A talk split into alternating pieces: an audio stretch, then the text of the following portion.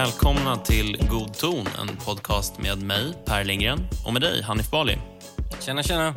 Hur är läget? Det är bra. Jag, ja, sådär. Jag blev av med huset. Jag jinxade det. Du blev av med huset. Du har köpt Ah, det och så har, har någon... nej, de snodde inte bara nej. julen den här gången, de snodde huset från dig. Nej, det känns så. Alltså, jag gjorde en jävligt... Jag, jä- jävligt... Eh, budade. Mm. La, la det där skambudet. Det, det var inte så mycket skambud, men det var lite... Det var ju under utgångspris. Mm, mm, mm. Okej. Och, eh, och så var det ingen budgivning, så var det visning eh, och så omvisning. Och sen så till slut kom det ett bud. Ja. Och eh, då började vi buda. Och budar sådär, inte så jättemånga vändor. Nej. Och, till slut så hamnade det i det liksom mentala taket man hade satt för oss själva. De lägger den sista liksom budet, lägger de på vårt mentala tak. Ah. Jag gjorde en grej som jag hade lärt mig av en kompis. Jag sa, Mm. jag budar lika mycket. Ja, alltså okej, så om de höjer med 10 eller 50 eller sådär så höjer du med lika mycket, är det det du menar? Så om de säger fem miljoner så säger jag, ja men jag har också fem miljoner. Förstår du? Jaha, aha, aha. Och eh, då, då, då blir liksom psykologiskt så vill inte de andra höja då för att de har ju redan det högsta. De var först liksom. Varför ska vi höja? Han har ju samma bud. Det var ju vi som höjde först liksom. Och, men för säljaren så blir det ju ett dilemmaval, nämligen vilken av de här så att säga köparna tycker jag mest om för jag kommer få lika mycket pengar. Okej, men... eh, ja. Välj, Men- inte, välj inte 99,9 procent av säljarna då, den som kommer första, eller som är budet först. Nej, inte nödvändigtvis. Särskilt inte vid hus. Där är det ju faktiskt inte så sällsynt heller att man tar det andra budet bara för att man tyckte om dem lite mer. Det har ju också med liksom hur många som ja, men tillträde och massa sånt att göra såklart. Och vi var sjukt smidiga. Liksom, vi fi- fick till och med frågan när vi skulle komma och signa. Eh, och sen liksom, vi var på väg och sen så fuckade upp med banken. Det var någon pappersgrej som fuckade upp. Och sen får vi beskedet att det inte går att lösa förrän på onsdag. Det här på, på fredagen. Ah. Så då meddelar vi ju mäklaren det. Bara på fem minuter efter så hör de av sig och säger nej men vi kan lösa det nu. Säger banken det? Ja, ja. Ah. Det, och, då hör vi av oss igen och säger nej, nej, nej förresten, vi är fortfarande game, allt är lugnt nu liksom. Då tror jag vi framstod som strulpellar. Ja, det där är fan eh, risky alltså. Ja, jag vet, det var jävligt risky. Eh, ha, nej men så det blev inget eh, Hanif Borg nej. alltså? Nej, eller säg inte det. Nu, nu, nu går man till andra jaktmarker. Ja, ja. Drömmen är inte död än. Ja, men det är bra det. Det är bra det. Jag, eh, jag tänkte prata om någonting som jag tror att jag kan ha pratat om för väldigt länge sedan. Jag är lite osäker. Jag känner det så här långt bak i hjärnan att jag kanske har vidrört det här ämnet tidigare. Eh, men det är liksom en grej som fascinerar mig väldigt mycket. Och Det är alltså den mänskliga oförmågan att se sig själv utifrån. Och Jag tror att det här är det här är liksom något allmänmänskligt tillkortakommande. Alltså att vi alla är rätt sopiga på det. Men sen så kan man ju såklart vara bättre eller sämre på att se sig själv utifrån. Men, men de flesta är rätt sopiga och väldigt, väldigt få är riktigt bra på det. Eh, Du kommer väl ihåg den här eh, Charlie Murphys True Hollywood Stories? Det är fan det bästa som gjorts någonsin. Alltså jag pratade om det i helgen. Gjorde du? Och, och då, eh, ja, eh, två, men de var så här 90-talister. Mm. Och de fattade inte. De bara, va? Nej. Vi har inte sett det här. Så bara, men hur har ni inte sett uh, Rick James? liksom, eh, eh, alltså det var verkligen en enorm... Alltså de, de, det var helt sjukt. Hur Ja. fan kan de ha missat det? Men ja, någon form av boomer 90-talister. Ja, men det där... Jättekonstigt. Ja, men precis. Det där är så jävla roligt. Alltså, som, det markerar kanske väldigt ty tydligt vilken åldersgrupp man är. För det höll ju inte på så här svinlänge. Det här, är alltså, det här var ett segment, för de som inte vet vad det är, så var det ett segment i The Chappelle Show som, som gick i början av 2000-talet. Eh, och det var Programledare för det programmet var Dave Chappelle, komikern. Eh, och upplägget var då att eh, det var Eddie Murphys brorsa, Charlie Murphy. Han berättade liksom stories om hur det var eh, i kändislivet när, eh, när Eddie Murphy liksom blev stor och känd och sådär. Eh, och liksom hur, ja, saker som de upplevde tillsammans. Och Sen så gör då Dave Chappelle sketcher av de berättelserna. Och En sketch handlar då om, precis som du är inne på, när de ska ut och festa med Rick James. We gonna hang out with Rick James tonight, you know what I'm saying? And here he comes out the room, and I look at him, and I'm not bullshitting, man. I seen like, like an orange, his aura or whatever. I, I seen it. He orange. He started kicking it, and he was mad man, which was you know right up my alley. I'm one of the baddest motherfuckers of all time. One of the best singers, one of the best looking motherfuckers you've ever seen. Hold my drink, bitch. He walk up to any chick, look at the whole side of their face, man. I'm Rick James, bitch. Och det, här, det här klippet det ligger på Youtube, så man får väl se det där helt enkelt ifall man inte sett det. För jag tror inte riktigt det rör, görs i en podcast. Men, men en, grejen är, när jag ser det här klippet så tänker jag alltid på Sveriges Rick James, som ju är Björn Ranelid. Alltså, ja, det är ju det. Det måste ja. vara det. I'm one of the baddest motherfuckers of Österlen. alltså, alltså så här, I varje intervju som han, är, som han är med i, då säger han samma sak. Jag är den enda författaren som har spelat i pojkallsvenskan i fotboll och vunnit Augustpriset samtidigt som jag har haft tinnitus. Det ska uttalas så, tinnitus. Och så, det och så malar han på liksom om, om vilka, vilka priser han har haft och, och sådär. han, han har samma repertoar alltid. Och han, liksom så här, han vill förhäva sig och berätta liksom om att han är the baddest motherfucker of Österlen. Liksom. Men eftersom att han också slänger med en, en friskrivningsklausul om att han är en obotlig lärjunge så tycker han att han har varit ödmjuk och jordnära. Ja, just det. Den 9 oktober då skrev han ett Facebook-inlägg som var 3854 tecken långt, inklusive blanksteg. Och Det är alltså det är för långt för att de flesta debattsidorna skulle godkänna det. Alltså de, de flesta ja, de, de gränsen är väl 3000 va? Ja, så är det för det mesta. Och Jag ska inte läsa hela inlägget, men han inleder då med orden till alla lögnare och personer som förfalskar verkligheten. Jag skryter inte.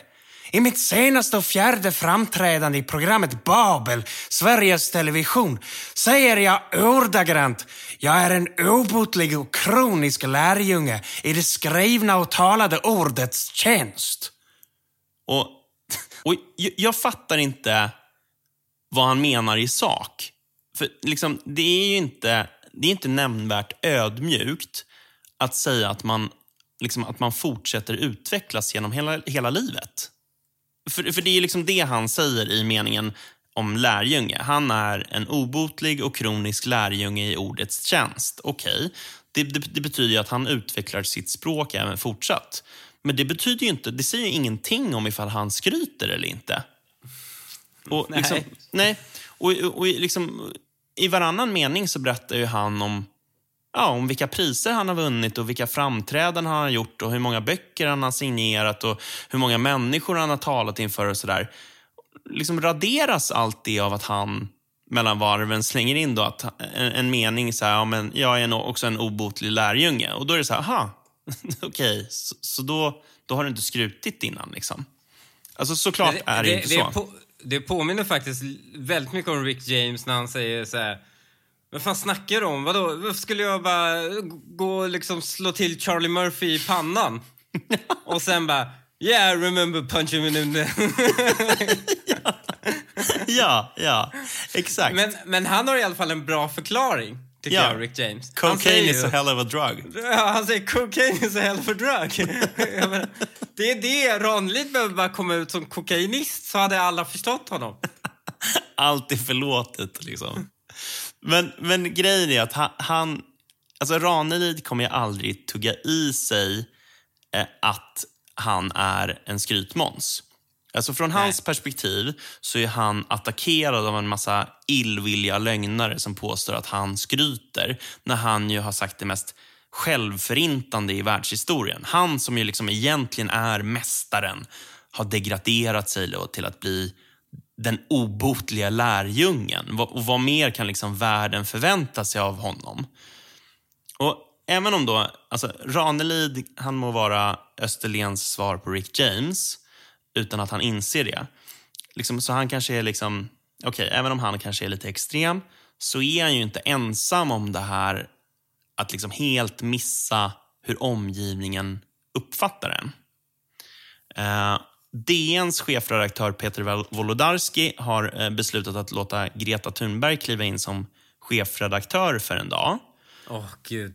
Ja, och enligt Wolodarski så sker det här inom ramen för en större ambition om att uppvärdera klimatfrågan då, journalistiskt på, på DN. Eller jag vet inte, det kanske inte bara är på DN. Jag tror att de har en ganska ambitiös eh, liksom, eh, förhoppning om att hela alltså att DN ska gå i bräschen för att klimatfrågan ska uppvärderas generellt i, i journalistiskt, antar jag. Men i vilket fall då, Alltså, det finns ganska mycket att säga om den saken. Men jag är liksom inte... Jag är inte en av de som blir så himla upprörd över det här. För jag tycker så här... Alltså, okej. liksom, så här. Det är inte vad de beskriver det som. Alltså, de säger ju att hon ska bli chefredaktör för en dag. Men det är liksom inte det som händer. Det är inte så att liksom, Greta kommer kliva in och sköta tidningen för en dag och, och, och säger då att aliens landar på jorden och Kim Jong-Un skjuter två missiler mot Washington. Liksom. Det, det är inte så att Greta då kommer, kommer ratta tidningen och så bara, nej men vi, nu, har vi, nu har vi stått vårt kast här. Liksom. Det kommer bli att vi skriver om smältande isar. Liksom. Det är inte det som händer. Utan det som händer är att DN släpper ett specialnummer som kommer handla om klimatet. Och, och Greta kliver ju då in som någon slags senior rådgivare om vad man ska skriva om. Och Wolodarski kommer stå kvar som ansvarig utgivare. Vinsten för DN blir ju då att ja, deras godhetsaktie stiger några punkter. Liksom. Ja, men de, de kommer ju sälja tidningar med hjälp av Gretas varumärke. Det är Ja. det som är... ja. Det är ju liksom, det är som när H&M samarbetar med Gucci. Liksom. Ja. Alltså det, det, det är bara att H&M säljer kläder med hjälp av ett annat varumärke. Exakt så. Så det är så här, ja, det är, det är liksom det som är grejen från DNs perspektiv. Men, och så är det ju så här, okej, det är väl i och för sig förknippat med viss risk. Alltså risken då för DN är ju att vissa tycker att deras oberoende tar stryk av det här. Och det är såklart, det är ingen bagatell. Eh, hade det varit min tidning så är jag inte säker på att jag hade gjort det här. Men eh, jag, jag tycker ändå att folk inom framförallt högerled pratar om det här med ganska stora överord. För vissa inom ög- högern får det liksom att, att låta som att den oberoende journalistiken i stort är hotad av att en aktivist kliver in som chefredaktör. Nej, vi kommer ju inte märka någon jävla skillnad överhuvudtaget. Vad fan, vad är skillnaden mellan Greta och Wolodarski egentligen? Nej, det, det, är en, det är en legit question. Men dessutom så är det också så här att alltså, DN är en privat näringsidkare. Och om, man, om, man, om jag ska liksom ändå säga någonting positivt om DN så är det så att de har ju faktiskt den goda smaken att avstå från 65 miljoner i pressstöd. Alltså, Alltså jag tycker det, jag, ja, det tar emot att ge dem det. Ska jag säga varför? berätta. För att Bonnier lobbar igenom ändringar i pressstödet. För DN var inte berättigat till pressstöd tidigare. Mm. De lobbar igenom de här. DN lägger om sin affärsmodell för att optimera sig själv inför pressstöd. Mm. Okej? Så de jagade en massa gratismedlemmar och försökte bara trycka upp eh, medlemskapsantalet väldigt mycket. Mm. Sen slog det här lite väl ut att, att nu har det gått ganska bra för just DN. Mm. Men de är nu positionerade för att kunna optimera uttag av, ehm, av pressstöd. Jag tror av strategiska skäl så väljer man att inte göra det nu för att det skulle framstå som jävligt fucking obvious. Mm. Ja. Men, men samtidigt, om han är så jävla principiell i att inte plocka ut pressstöd. Han sitter ju i ledningsgruppen för Bonnier News. De plockar, ja, sure, DN tackade nej till 65 miljoner i pressstöd. Men de plockar ju ut 200 miljoner kronor i pressstöd varje år, Bonnier News. Jo, men eh, alltså visst, men då ser väl han förutsättningar för DN att klara sig utan pressstödet. Alltså, jag är ingen, Ja. jag är ingen eh, eh, varm anhängare av pressstödsidén överlag, men de som är det ser det väl som så här att okej, eh, om DN klarar sig så ska de inte ha bidrag. Liksom. Men de andra tidningarna kanske inte klarar sig utan det. Kanske de skulle anföra då. Men i vilket fall, var man, ens, var man än landar i det där så ska man ju ändå säga det. Har de rätt till 65 miljoner i pressstöd men avstår från det så är det ändå 65 miljoner som skattebetalarna hade stått för som de inte behöver stå för nu. Och det är väl ändå någonting att lyfta på hatten för, tycker jag. Men okej, skitsamma. Det är inte hela, det är, det är liksom beside the point. För Det som är poängen här är att DN är en privat aktör. Och det ger ju att liksom det är, liksom, ger ju att de får ju helt enkelt förvalta sitt förtroendekapital precis som de vill. Alltså därför tycker jag att alltså, om de vill göra ett specialnummer med liksom Volodarskis chihuahua som chefredaktör så skiter jag i det. Det är ju bara att avstå från att läsa skiten. Och, eh, eh, eller liksom... Okej, okej, okej, men vänta, vänta. Ja. Jag måste pausa dig här. Ja, Men om det är så ja, att, att hans chihuahua, det är liksom, det är ett privat bolag. ja, Eh, det är, eh, hans chihuahua kan lika gärna vara det. ja. Om, om de tänker ta den, om man, om man tänker ta den utgångspunkten, Mm. men då får de fan ta och hålla käften när det kommer till att ja, men angrepp mot oss är ett angrepp på demokratin. ja. Då, alltså då, då, då, då är det så här, ja men jag är ett privat bolag, jag fan jag vill. Men kom inte att grina som att du är då någon jävla samhällspelare. Nej, men alltså, om du är en samhällspelare, då förväntar jag mig också kunna ställa högre krav på dig. Ja, det behöver jag- inte vara juridiska krav, men jag kan på ett moraliskt plan ställa högre krav på dig. ja. ja men, Du kan, inte, du kan inte ha båda två. Du kan inte ha att så här, nej men jag är, jag, jag är liksom en av pelarna som stöttar upp där demokratin. Å ena sidan. Å andra sidan kan jag lika gärna låta min chihuahua sköta den här tidningen. Jag får göra fan jag vill. Nej men, nej, men jag tycker inte att han... Alltså, jag, precis, och det håller jag med om. Men alltså, så här, självklart kan man föra en debatt om ifall det är lämpligt att liksom, en tidning som gör anspråk på någon slags verkshöjd, att de nedlåter sig till att bli megafon för en aktivist. Men jag säger bara att det gör mig inte så upprörd eftersom att det inte är jag som cashar för det. Och jag Ja, menar, nej, nej. Jag betalar inte heller för DN så jag skiter i det. Nej, och jag menar liksom inte heller, jag menar inte heller liksom jag, jag, utan jag menar så här, det finns ändå ett högre, det finns, jag ställer högre krav när det är skattebetalarna som betalar. Och därför så är det fan så mycket värre när det kommer till public service. Alltså för, för liksom public service betalar vi för allihopa. Och, och där finns liksom inte alternativet i att bara, ja men, nej okej, men jag skiter i att köpa den här produkten så jag väljer något annat istället. Eh, jag pratade ju i ett tidigare avsnitt om hur vdn för Sveriges Radio, Silla Bänke, hon, hon menade att alla journalister inom Sveriges Radio ska kunna rapportera om allt. Och Det här det är ju liksom en, det är en gullig förhoppning. Men det är ju liksom inte riktigt så verkligheten ser ut. Monica Sarrinen, eh, hon gläntade på dörren till hur det ser ut i verkligheten för ett tag sedan. Hon, hon är programledare för Lördagsintervjun som är ett ganska tufft intervjuformat. Det är, så här, ja, men det är ganska långa intervjuer med liksom, initierade frågor till makthavare och sådär. Ofta så är, ofta så är det så här förberedda underlag från politiska motståndare som skickas in inför intervjuer. Så liksom om Ulf Kristersson ska intervjuas så skickar sossarna in en massa tuffa frågor och mm, eh, underlag och sådär och omvänt.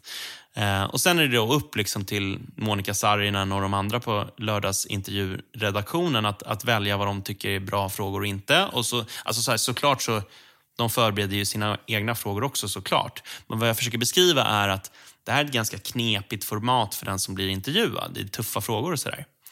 Monica Saarinen hon gästade podcasten Det politiska spelet. Och så fick hon då frågan om hur man jobbar när man frågar ut en, en partiledare.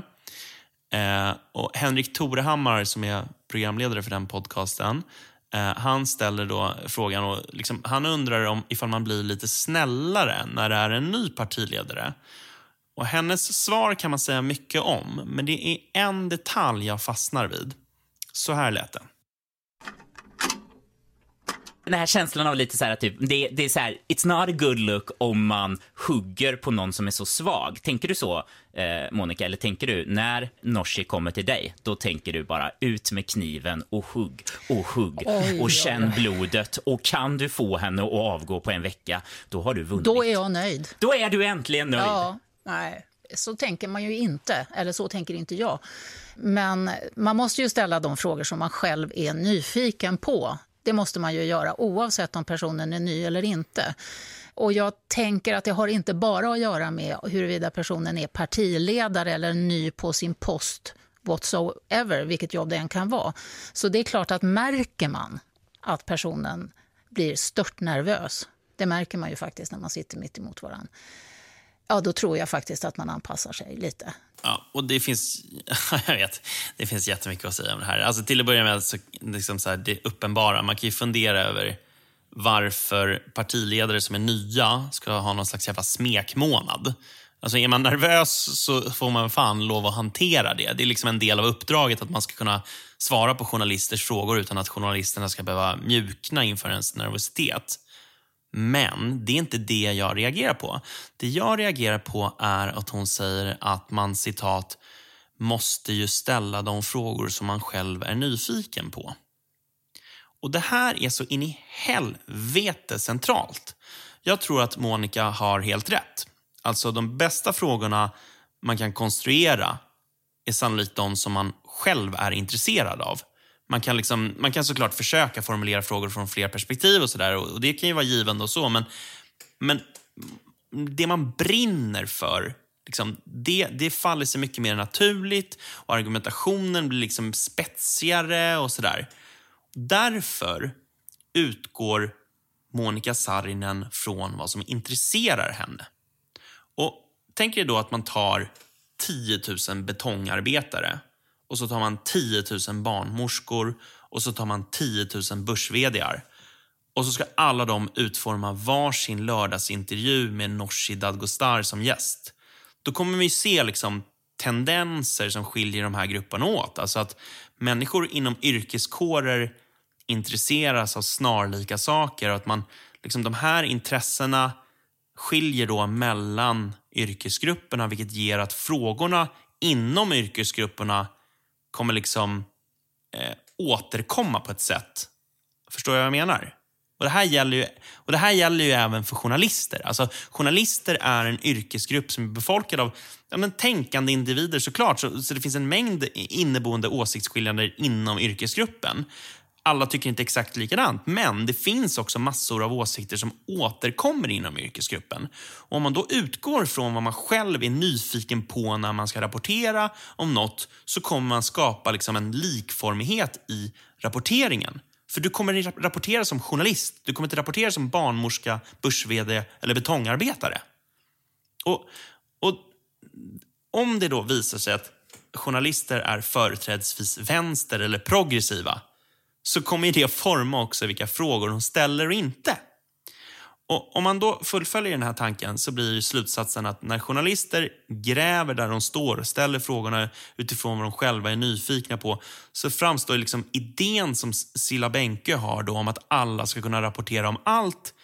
Det, det är bara en samling tomma ord. För att alla kommer inte kunna rapportera om allt.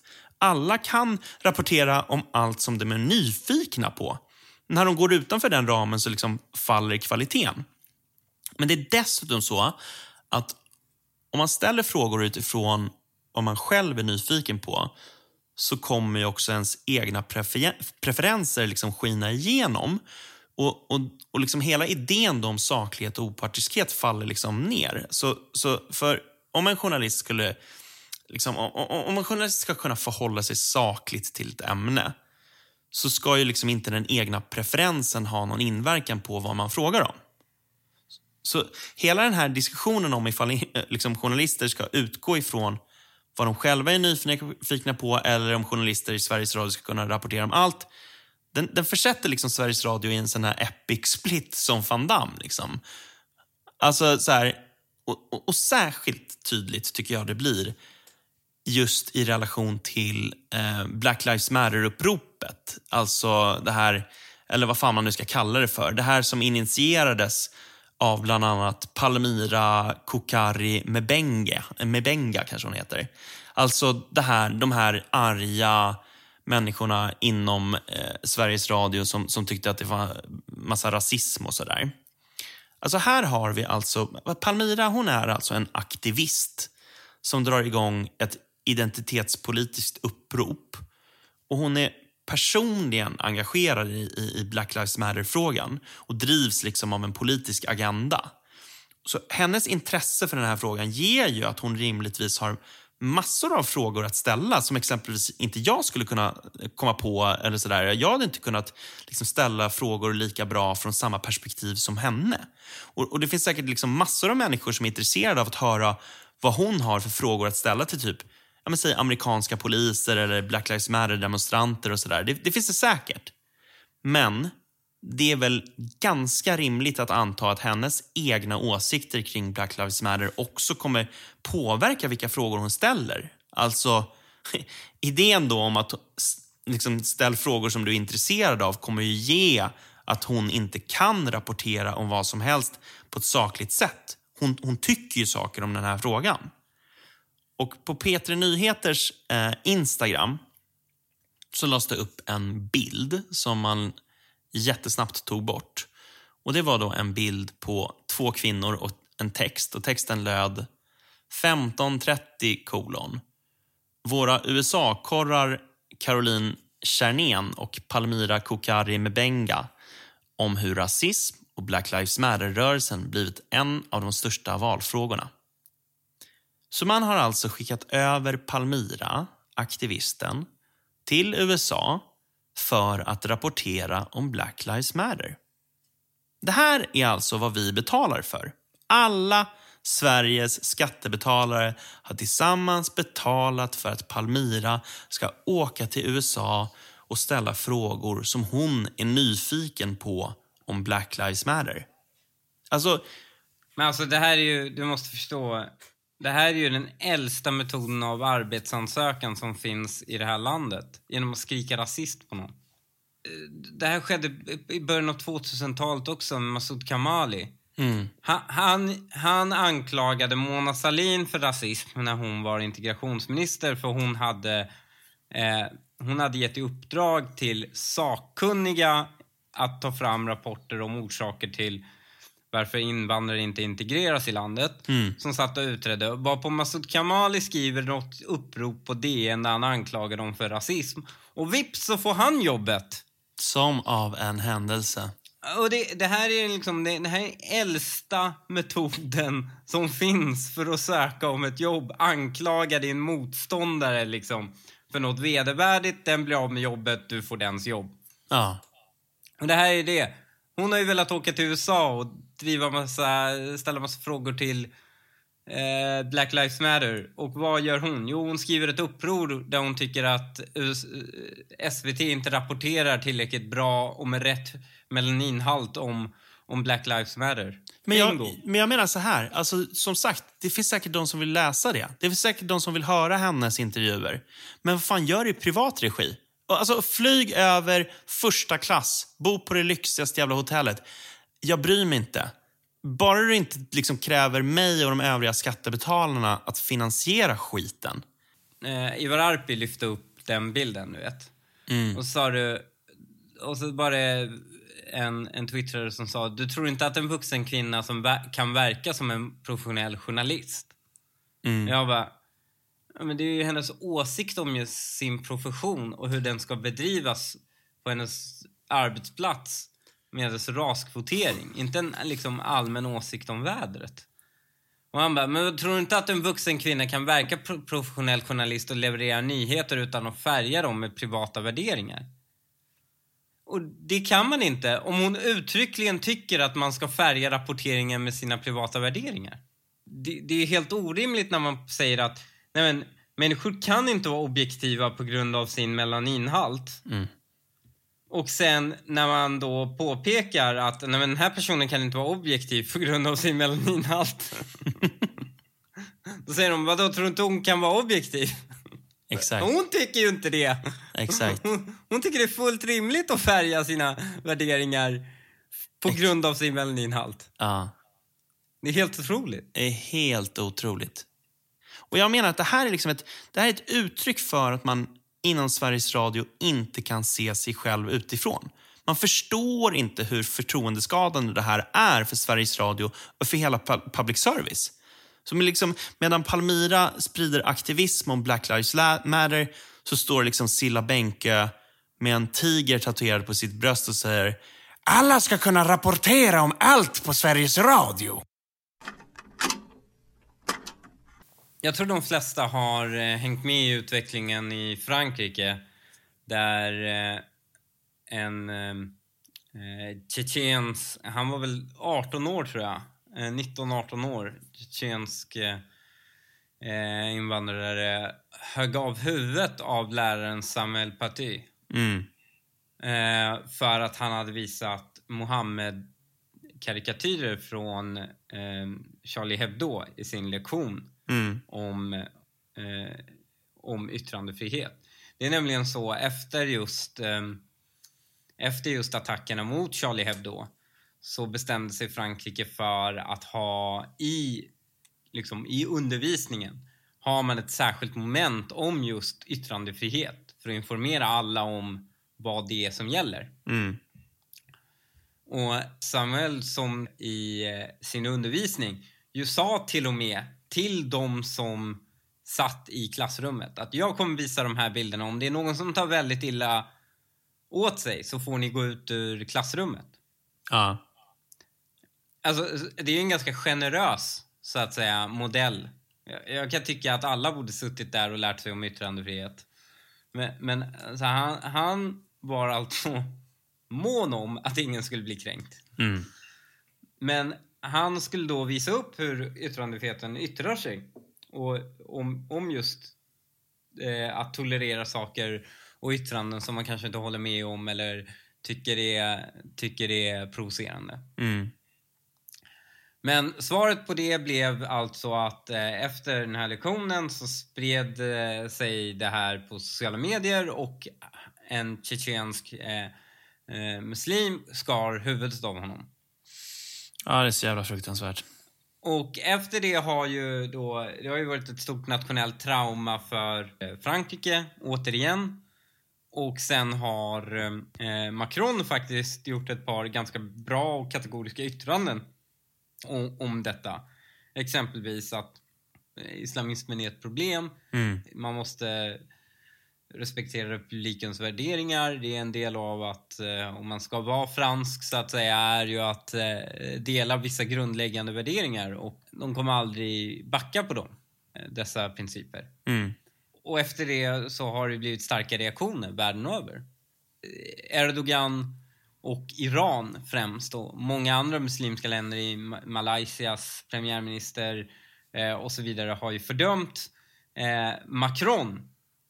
Inte fördömt dådet utan Macrons reaktion på dådet. ja, jag vet. Det är så jävla Ehm, absurt. Pakistanska presidenten, han sa hur ska ni differentiera vanliga muslimer mot islamisterna? Eh, gjorde han som det. Och det är väl ett problem om man inte kan göra det, va? Det känns som... Eh, det, det är liksom... Det är som att säga, hur ska ni differentiera NMR från vanliga medborgare? Ja, ja men verkligen. Ja. Eh, här, om man inte kunde göra det, då hade vi haft ett större problem? Det får man lov att säga. Eh, det, det hade varit, då, då hade jag haft väldigt mycket rannsakan att göra. Det kände inte, så att säga, den här... Eh, och jag menar, jag förstår honom. Han kunde inte under, liksom, fan var det, 15 år differentiera bin Laden mot någon annan eh, arab som bodde tydligen precis bredvid hans militärförläggning. Eh, det är liksom, det, det, här är, det här är svårt för dem eh, att differentiera. Och det är väl lite av det som är problemet, nämligen att eh, skillnaden kanske inte är milsvid ibland. Eh, och, men liksom, jag tycker vi borde titta på hur Sverige har det. Sverige har ju gett kondolenser eh, efter terrordådet. Mm. Men när det kommer till den liksom globala diskussionen om i- islamistens fotfäste, då har ju Löfven varit totalt frånvarande. Alltså Sverige exporterar högst andel jihadis per capita i EU till IS. Jag tror det var Sverige och Belgien. Mm. Eh, och islamister är unikt välorganiserade i det här landet. Alltså unikt välorganiserade. Mm. Och mitt i den här diskussionen, då är jag liksom, Löfven har inte tid. Men när en barnboksförfattare sa att vi hade 55 no-go-zoner i tjeckisk TV, när vi egentligen hade 53. Då jävlar! Då stod Löfven framför TV-kamerorna och, och, och fördömde det. gäller att välja sina strider. Verkligen. Och jag undrar verkligen, var är statsministerns ideologiska stöd till Macron? Ja. Alltså ett ideologiskt stöd, det är inte bara säga ja men jag är ledsen att en av mina medborgare mördades. Utan det ideologiska stödet. Mm. Och var det liksom självrannsakan om islamisternas utbredning i Sverige? Mm. Var det självkritiken om fiaskot med samordnare mot extremism? Alltså kommer du ihåg vilket jävla pajaseri det var? Alltså, och vi har bara gått vidare som om ingenting hänt där. Är det ingen som tänker göra någonting? Alltså, det, det var en jävla Kalle Anka-verksamhet från början till slut. Och eh, de, internationella reaktionerna har blivit eh, ganska intressanta. Det var en iransk tidning som publicerade en, eh, en karikatyr på Macron där han ser ut som en djävul. Ja. Han ser bara skitcool ut. Han borde ju bara ta... Alltså, det, han ser ascool ut. Lite så pro- propagandaaffisch för honom istället. Ja, verkligen. Han, han ser asfet... Han, borde han ser ut som en sån här röd älv. Du vet, så här elf. Sån här röd eh, black elf. Så jävla cool. Är, är inte det alv? Ja, alv blir det. mm. Nej, men eh, ja, är alv... Är det, ja, det är väl alver i eh, Sagan om ringen. Sån ser han ut. Asfett. Han borde, ha, han borde klä ut sig så till sin nästa live. Han live alltså det, han ser skitcool ut. Vi kan väl spela upp hur det lät när den franska ambassadören eh, var skitbra tyckte jag. I, när han var på besök hos Agenda och blev intervjuad av så Anders Holmberg va? Mm. Mm. drawings uh, or pictures of the Prophet Muhammad uh, is something that a lot of Muslims, not at all only um, um, only radicals, uh, find very offensive. Is this something that you that you need to respect, and and if so, how?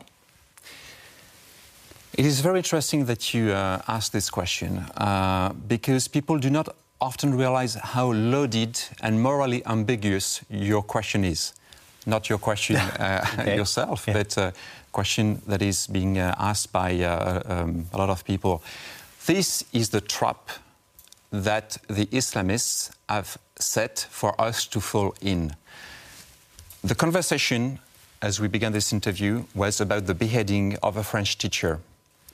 And you are moving the conversation to something else, which is a debate supposedly on religion, uh, on um, insult to religion, on blasphemy, which is not a crime in French law, etc., etc. But the discussion is about a terrorist act. It is not about uh, supposed, su- supposed blasphemy or about a cartoon. And Al Qaeda, in its propaganda, has used over and over uh, Charlie Hebdo caricatures uh, to move the conversation from what is actually terrorism to something else. The demonstrations in Paris, the determination of the French authorities today is to say, stop. We are not going once again to fall in this trap. The conversation is about terrorism, it is about the roots of these terrorist acts, it is about the networks that support those terrorists, and uh, that are inflicting a pain to the whole Muslim population, which is much, much bigger than uh, cartoons. You do not kill for cartoons. And what we are discussing tonight is the killings. Det är så jävla bra. Ja, men det är, Det- han, han, fan vad han fångade väl där alltså. Det är så Ja, jävla viktigt det han säger alltså.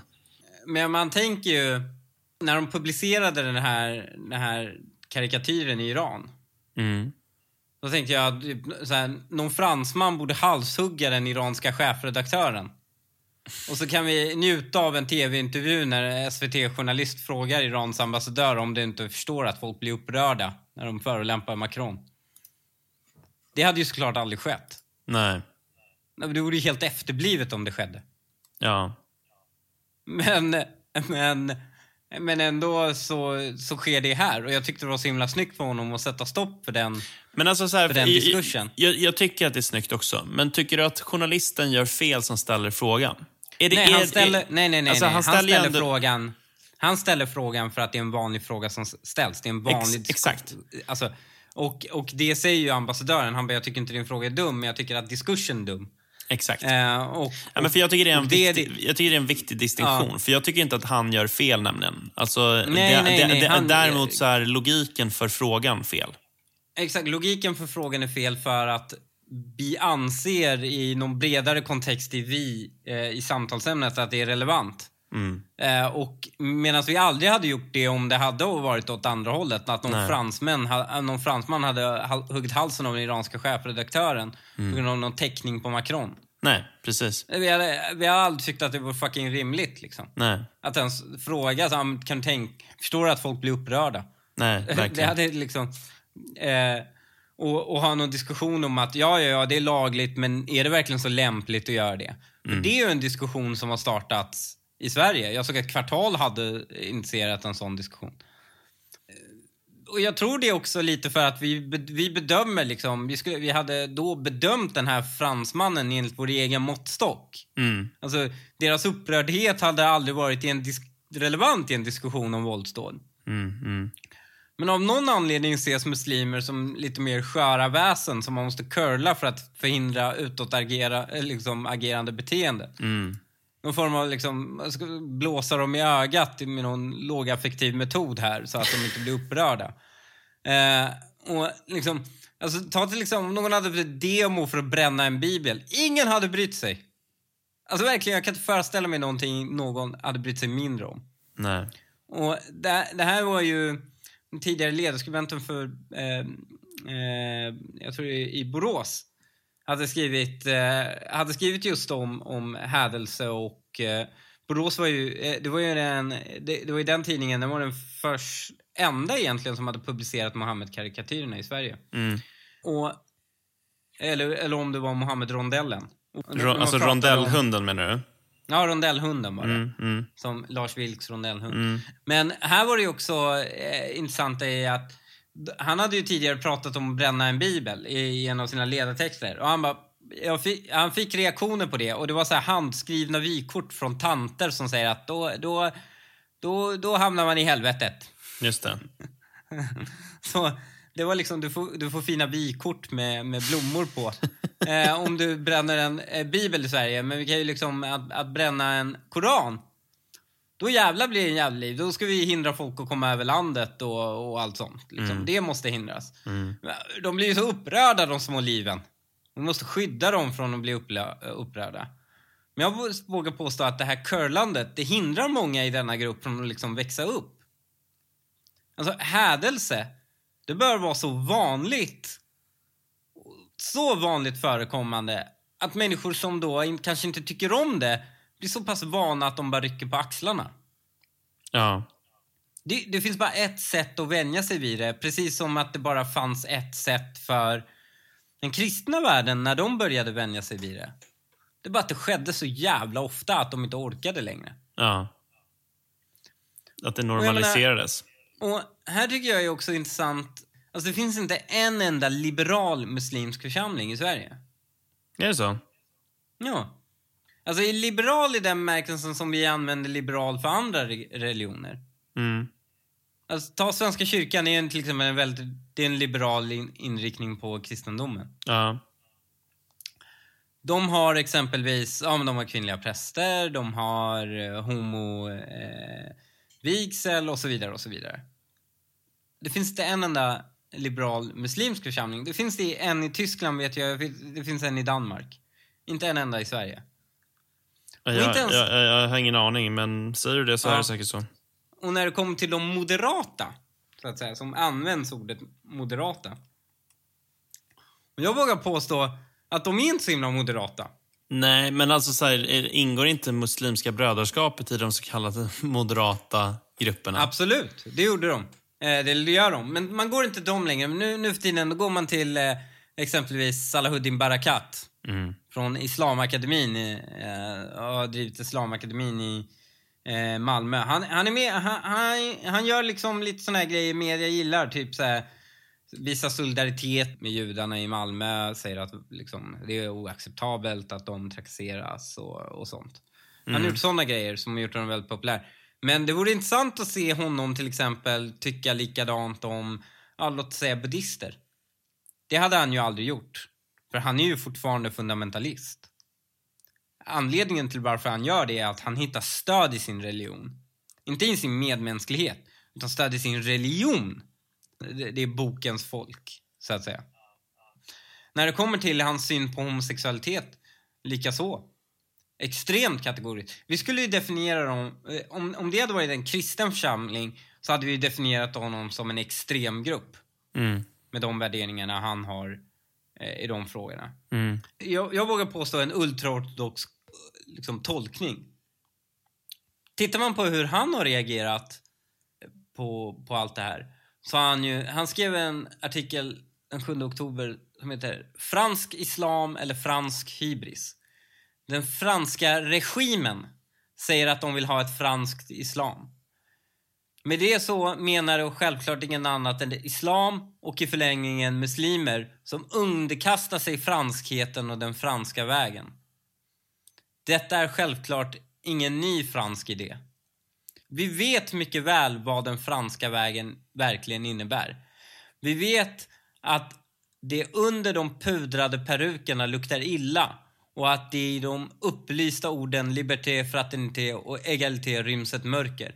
Den franska vägen är inte mycket annat än en filosofiskt svag, extremsekulär och rasist-nationalistisk ideologi som etablerades genom giljotinens skräckvälde och sedan spreds i världen genom avrättningar, tortyr och massgravar som får Isis brott att blekna. Detta är den så kallade civiliserade franska vägen vi muslimer och icke-europeer känner till. Bland de värsta som Europa har haft att erbjuda. Frankrike är med andra ord en extremt sekulär och alltmer islamofob skurkstat som länge levt och fortfarande lever på att suga ut blodet på de svaga i världen. Istället för att på riktigt ta itu med franskhetens dåliga värderingar, fruktansvärda historia och pågående orättvisor väljer Macron och hans regim att försöka angripa islam och muslimerna. Macron är inget annat än en skurkaktig fjant med hybris och de enda som är större fjantar och skurkar än Macron är de araber och muslimer som ser honom som någon slags räddare eller beskyddare. Må Gud beskydda oss från dessa. För hans största rädsla är just arabernas och muslimernas självständighet, enande och styrka. En utan tvekan obefogad rädsla. En vacker dag kommer de som varit utsatta för Frankrikes ondska och orätt att utkräva sin rätt. Oavsett så har detta angrepp lett till att muslimerna snarare har enats ytterligare och fördömanden har hörts från alla möjliga håll. Alhamdulillah. Må Gud befria Frankrike från ondskan inom och beskydda världen från den franska statens återkommande angrepp.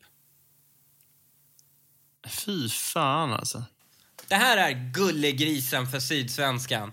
Det här är personen som Malmö stad öser över pengar mot. Det här är den personen som i artikel efter artikel har hyllats för att vara en sån moderat kraft, en sån måttlig kraft, sån, sån antiextremistisk kraft. Mm. Det här är alltså den sopan som plockade ut miljonbelopp för att förhindra extremism och rekrytering till IS. Och de hade som målsättning att hitta 50 radikaliserade individer och försöka konvertera dem. Och efter ett år så hade man inte lyckats hitta en enda person. Mm. Men pengarna, de, de gick åt. Föga förvånande. Och det här blir, alltså det är så jävla märkligt hela den här extrema dubbelmoralen som finns när man kommer till, till eh, vilka måttstockar man har. Ja. Jag, jag tycker det är rimligt. Alltså det, det är klart finns massor av muslimer där ute som har en väldigt måttlig form av islam eller en liberal form av liksom, tro och trosutövning. Fine. Mm. Men det är ju inte direkt vad vi ser i organiserad form. Mm. Mm. Den organiserade eh, islam i Sverige är ultraradikal. Därutöver så har vi, har vi islamism också i extremt välorganiserad form i Sverige. Och mitt i det här så är Stefan Löfven tyst. Mm. Och ja, det är en sak jag inte förstår. De är så jävla upprörda. Jag såg bilder från Bangladesh och, och, och Turkiet och massor av såna här länder där muslimer är så jävla upprörda över de här teckningarna. Alltså, vet de inte om att Mohammed är död? Vad är din poäng med det? Vad menar du? Nej men, vet de inte om att han är död och därmed inte kan bli kränkt av franska karikatyrer? Ja, fast vad fan, det där var den svagaste poäng jag har hört. Det handlar ju om att de- deras heliga skrift som de värderar högt säger att man inte får vanära honom och de tycker att han vanäras när man avbildar honom. Ah, det är det. Deras- heliga skrift säger det. Ja. Okej. Men om det är så att man inte får vanära honom så har jag ytterligare en fråga. Mm. Om man inte får vanära profeten, peace be upon his name, Ja. och att de blir otroligt ledsna när man gör det. Mm. Hur kommer det sig att alla de här är helt lugna med att folk, muslimer till höger och vänster, döper sin svagbegåvade Adidas-fjant till knarklangare med ett ordförråd lika utvecklat som en förskoleelev till Mohammed? För att de inte föds som knarklangare Nej, i men då borde, man, i- det borde man, då borde man i efterhand då säga så här, men du, vi måste byta namn på dig. Du, du är ju en förolämpning mot profeten. Ja, det skulle i och för sig vara fullt rimligt. Alltså, i, i, i, jag menar, nej, det vore inte Jag har rimligt. aldrig men- sett en muslim, jag har aldrig sett en muslim hugga halsen av en annan muslim för att hans namn van, äh, hedrar profeten. Nej, jag har men, aldrig hört talas om nej, det. men jag förstår vad du menar. Men, nej, men alltså, så här, jag menar inte som att det skulle vara fullt rimligt. Jag menar att det vore fullt konsekvent. Alltså, så här, Ja, det vore ju. Det Alltså, är det just nu. Sen är det ju ganska intressant, nu är den här hetsen mot det sekulära samhället. Tittar man på reaktionerna som varit liksom idag. Alltså det är en gammal tant de har huggit huvudet av i en kyrka i Nice. Vadå? Massa mohammedaner är sura på en vänstertidning som gör karikatyrer och därför hugger huvudet av en kristen tant. Mm. De ser ju inte det här bara som ett religionskrig, man ser det som ett raskrig också. Ja, så kanske det är. Jag har ingen uppfattning. Det är möjligt. Det låter väl Och- sannolikt. Men alla den här Alltså jävla... det, det, som är grejen, det som är grejen som ofta förenar jihadisterna är ju hatet mot väst. Så att liksom, eh, i den meningen, alltså så om man skulle vilja benämna det som en slags raskrig, well, alltså så här, det är väl kanske steget längre, men det är, ju- det är ju absolut ett hat mot väst där man då associerar liksom, ja, den där kristna kvinnan kanske till en del av det. Liksom. Här är också, jag, ty- jag tyckte det var Ellie Gönder som skrev det väldigt, väldigt bra. Mm. Eh, han skrev idag på Smedjan. Han skrev om att den här kränkthetskulturen som finns i väst. Mm. Eh, och därmed det här narrativet med de kanske blir kränkta och att vi har en kultur där den mest att vi ska liksom anpassa oss för den som är mest kränkt. Mm. Den här faller som hand i handske för den här gruppen. Visst. För islamister. Visst, För, absolut. för liksom, då är det så här, om, om, du är, om det är lite ursäktad för att du är kränkt. Ja, precis. Ja, men då är det fullt rimligt liksom att, att då, då tas det för ett intäkt till att de har Exakt, skäl exakt. att vara, att agera. Mm. Jag är he- Ja. helt enig. Och, och det tyckte jag var liksom faktiskt väldigt, väldigt bra skrivet. Hur som helst, det är en väldigt spännande diskussion. Det är en eh, avgörande diskussion. Eh, och vi, Europa är i ett läge där man verkligen har valt och kvalt om man ska göra någonting åt den här pesten som är islamismen. Mm. Och var är statsministern då? Ingenstans. Och jag tror, min gissning är att förutom att han inte vill, så tror jag att Stefan Löfven helt saknar förmåga. Jag tror inte han är förmögen att ens formulera en egen tanke om det här. Nej, men Det- han är väl eh, den typen av ledare. Alltså, han ska liksom bara vara ingenting. Alltså, han mumlar lite, liksom ingen riktigt förstår någon, någonting av vad han säger. Det är ingen, ingen riktig tydlighet i någonting.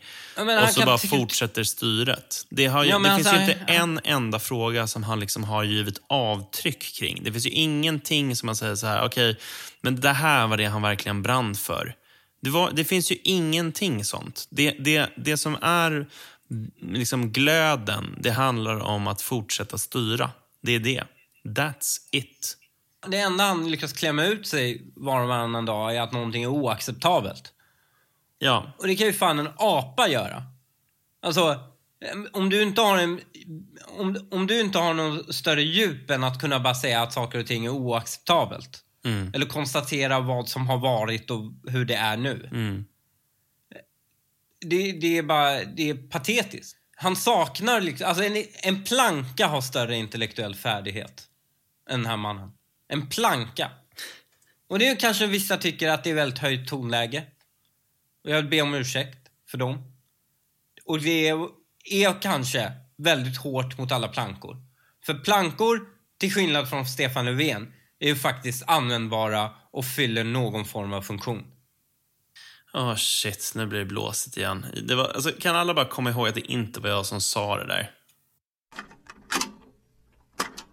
Det var allt för den här veckan. För er som vill stötta denna podd, då kan ni bli prenumerant på Patreon. Och går man med i Patreon så får man tillgång till vår hemliga Facebookgrupp där vi har diskuterat olika ämnen och stöter och blöter dem. Man kan komma med tips och inslag på vad vi ska ta upp. Vi har fått väldigt bra tips faktiskt på, på många av våra ämnen vi har tagit upp via vår Facebookgrupp. Och det gör ni genom att gå in på patreon.com godton. Och eh, för er som vill stötta oss mer anonymt via Swish, vad gör man då? Då swishar man till 123 128 15 18.